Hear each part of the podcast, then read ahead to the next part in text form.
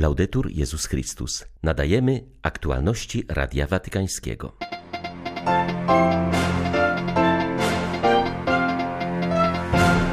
Szacunek dla godności pracy idzie w parze z jej jakością, przypomniał Franciszek na audiencji dla włoskich budowlańców.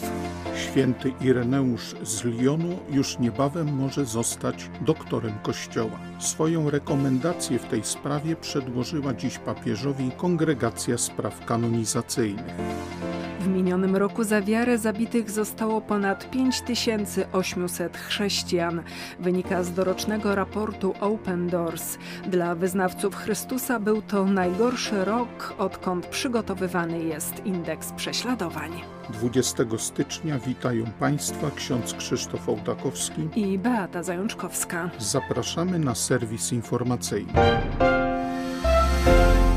Papież przyjął na audiencji przedstawicieli włoskiego Stowarzyszenia Przedsiębiorców Budowlanych. Podzielił się z nimi chrześcijańską interpretacją wartości, które powinny nadawać kierunek ich codziennej pracy. Należą do nich przejrzystość, odpowiedzialność i zrównoważony rozwój oraz etyka, przestrzeganie prawa i bezpieczeństwo. Franciszek dotknął najpierw tematu konkurencji i przejrzystości. Sama konkurencja nie wystarczy w utylitarnej logice rynku może to prowadzić od przeciwstawienia się drugiemu, aż po jego wyeliminowanie. Złudzeniem jest, że można go pokonać lub że jego porażka powinna być uwzględniona w rozwoju gospodarczym. Kiedy tak się dzieje, podważa to społeczną tkankę zaufania, która umożliwia prawidłowe funkcjonowanie rynku. Konkurencja powinna być bodźcem do lepszego i dobrego działania, a nie dążeniem do dominacji i wykluczenia. Dlatego właśnie przejrzystość procesów decyzyjnych i wyborów gospodarczych ma zasadnicze znaczenie. Umożliwia to uniknięcie nieuczciwej konkurencji, która w sferze gospodarki i pracy często oznacza utratę miejsc pracy, sprzyjanie pracy na czarno lub niedostateczne jej wynagradzanie. W efekcie sprzyja to formom korupcji, które żywią się mętną nielegalnością i niesprawiedliwością. Nie jest to odpowiednia droga, to jest droga prowadząca do choroby, nie jest właściwa. È una strada che ammalla, non fa bene. Dyrektor Biura Prasowego Stolicy Apostolskiej odniósł się do ogłoszonego dziś raportu na temat nadużyć względem nieletnich w archidiecezji Monachium i Fryzyngi. Stolica Apostolska uważa, że musi poświęcić należytą uwagę dokumentowi, którego treści w tej chwili nie zna. W najbliższych dniach po jego opublikowaniu przeanalizuje go i będzie w stanie odnieść się do szczegółów, które on zawiera, napisał Mateo Bruni. Watykański rzecznik dodał również, że Stolica Apostolska, ponownie wyrażając swój ból i skruchę z powodu nadużyć popełnionych przez duchownych wobec nieletnich, zapewnia wszystkie ofiary o swojej bliskości i potwierdza obraną już drogę, aby ochronić dzieci, gwarantując im bezpieczne środowisko trwają przygotowania do ogłoszenia świętego Ireneusza doktorem Kościoła. Prefekt Kongregacji Spraw Kanonizacyjnych przedstawił dziś papieżowi pozytywną opinię, którą wydali w tej sprawie uczestnicy sesji plenarnej tej dykasterii. Franciszek już w październiku zapowiedział, że chce uhonorować tego starożytnego biskupa Lyonu, nadając mu tytuł doktora jedności. Jak przypomina brat Eli Arule, francuski patrolog z Katolickiego Uniwersytetu w Lyonie, święty Ireneusz dał początek teologii. Jego pisma są pierwszą refleksją nad wiarą w ścisłej łączności z czasami apostolskimi. Urodził się bowiem około 100 140 roku i był uczniem świętego Polikarpa, który wyrósł u boku świętego Jana Apostoła. Jego wykład nauki apostolskiej pokazuje nam, w jaki sposób wiara była przekazywana w pierwszych pokoleniach chrześcijan aż do końca II wieku, mówi brat Arule. Wiara była przekazywana przez ustne nauczanie. Była w istocie wiarą opowiedzianą w oparciu o Pismo Święte. Wykład nauki apostolskiej jest więc pierwszą katechezą dla dorosłych, którą przekazał nam Ireneusz. Za pośrednictwem Ireneusza niemalże dotykamy Jezusa, bo wciąż jesteśmy bardzo blisko w czasie. Czuję się, że jest coś bardzo żywego w jego pojmowaniu tradycji, która jest procesem, a nie ustalonym już zbiorem. Trzeba też pamiętać, że Ireneusz kształtuje swe rozumienie wiary, czyli teologię, w polemice z gnostykami, którzy mieli wizję Boga bardzo odległego, transcendentnego, który znajduje się kompletnie poza historią ludzi. Ireneusz sprzeciwia się takiej koncepcji Boga całkowicie transcendentnego, kładzie nacisk na to, że Bóg rzeczywiście stał się ciałem w swym słowie w chwili wcielenia. Au moment de l'incarnation. Papież Franciszek zatwierdził dekrety o heroiczności cnót trojga Włochów, otwierając tym samym drogę do ich beatyfikacji. Chodzi o prałata bazyliki w Pompejach oraz dwie siostry zakonne. Ksiądz Francesco Saverio Toppi był kapucynem. W swoim zakonie pełnił wiele odpowiedzialnych funkcji, a następnie przez dekadę był prałatem słynnej bazyliki Matki Bożej Różańcowej w Pompejach. Zmarła w 1936 roku siostra Maria Teresa de Vincenti, by nieść pomoc potrzebującym, najpierw związała się z trzecim zakonem świętego Dominika, a następnie założyła zgromadzenie małych sług Przenajświętszych Serc, które dbało o wykształcenie opuszczonej młodzieży oraz zapewniało wsparcie starcom porzuconym w szpitalach i domach. Trzeci z dekretów dotyczy siostry Gabrieli Borgarino ze Zgromadzenia Sióstr Miłosierdzia. Dała się zapamiętać ze względu na szczególne nabożeństwo do Najświętszego Serca Jezusa. Ze względu na utrzymujący się stan zagrożenia epidemiologicznego, drugi rok z rzędu watykańskie rekolekcje dla papieża i kurii rzymskiej nie będą mogły mieć charakteru wspólnotowego i nie odbędą się w podrzymskim domu w Arici. Franciszek zaprosił kardynałów rezydujących w Rzymie, szefów dykasterii i przełożonych kurii rzymskiej, aby podjęli rekolekcje osobiste i trwali na modlitwie w pierwszym tygodniu Wielkiego Postu. W tym czasie zawieszone zostaną wszystkie spotkania papieskie, w tym audiencja generalna w środę 9 marca. 360 milionów chrześcijan na świecie cierpi z powodu wyznawanej wiary. Aż w 76 państwach sytuacja wyznawców Chrystusa jest trudna lub ekstremalnie trudna. Dane te zawiera Światowy Indeks Prześladowań przygotowany przez międzynarodową organizację Open Doors. Raport przygotowujemy od 30 lat i miniony rok był najgorszy, jeśli chodzi o rozmiar i siłę antychrześcijańskiej przemocy.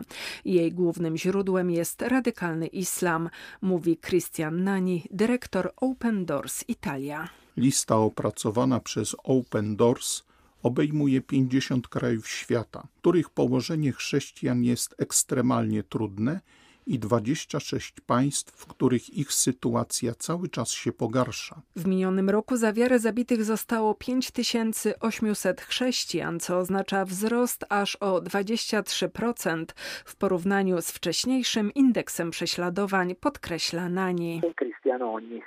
Co siódmy chrześcijanin na świecie jest prześladowany, a w Afryce co piąty. Istotnym aspektem jest to, że oprócz wzrostu przemocy wzrasta również presja w sensie dyskryminacji i prześladowań z kilku konkretnych powodów. Są to m.in. endemiczny brak ochrony ze strony rządów, co generuje pewnego rodzaju bezkarność prześladowców. Rośnie też obojętność polityków na arenie międzynarodowej, a w ramach relacji dyplomatycznych nie zwraca się uwagi na łamanie fundamentalnych praw człowieka, takich jak wolność religijna chrześcijan na świecie. Przez 20 lat na czele listy krajów, w których chrześcijanie byli najbardziej prześladowani, znajdowała się Korea Północna. Teraz ustąpiła ona miejsca Afganistanowi. Nie oznacza to jednak poprawy sytuacji koreańskich chrześcijan, tylko znaczące pogorszenie losu afgańskich po przejęciu władzy przez talibów. Sytuacja w Afganistanie pokazuje, jak bardzo globalny dżihadyzm jest czynnikiem generującym falę antychrześcijańskich prześladowań, mówi Nani. Przejęcie władzy przez talibów jest dolewaniem benzyny do ognia światowego dżihadyzmu. Budzi to ogromny niepokój, szczególnie w kontekście Afryki. To właśnie na tym kontynencie jest najwięcej ofiar śmiertelnych, a Nigeria stanowi epicentrum masakr. W tym kraju zginęło aż 4650 chrześcijan. W siłę rośnie też radykalny hinduizm, czego jesteśmy świadkami w Indiach. Od 2014 roku, odkąd w tym kraju są przy władzy nacjonaliści, obserwujemy coraz większe łamanie praw mniejszości, szczególnie chrześcijan, którzy są celem różnych form opresji, dyskryminacji i otwartych ataków. Tak złej sytuacji w Indiach jeszcze nie było. Dlatego bacznie obserwujemy ten kraj. Trwa dramat mieszkańców wysp Tonga. Szacowanie strat i pomoc po tsunami wywołanym wybuchem podwodnego wulkanu są utrudnione z powodu przerwanej komunikacji. Kościół jednak poprzez swoją sieć diecezji i parafii niesie skuteczne wsparcie, powiedziała Radiu Watykańskiemu Damaris Pfent z Caritas Australia. Cała komunikacja um, dosłownie padła, nie działa internet ani połączenia telefoniczne. Nie mamy informacji od ludzi z niektórych wysp. Wiemy, że na jednej z nich wszystkie domy zostały zniszczone. Najpoważniejszym problemem jest obecnie dostęp do wody pitnej. Zanieczyszczenie popiołem jest bardzo duże. Ogólnie rzecz biorąc, współpraca z siecią kościelną jest naprawdę bardzo skuteczna, ponieważ polega ona na oddolnym działaniu.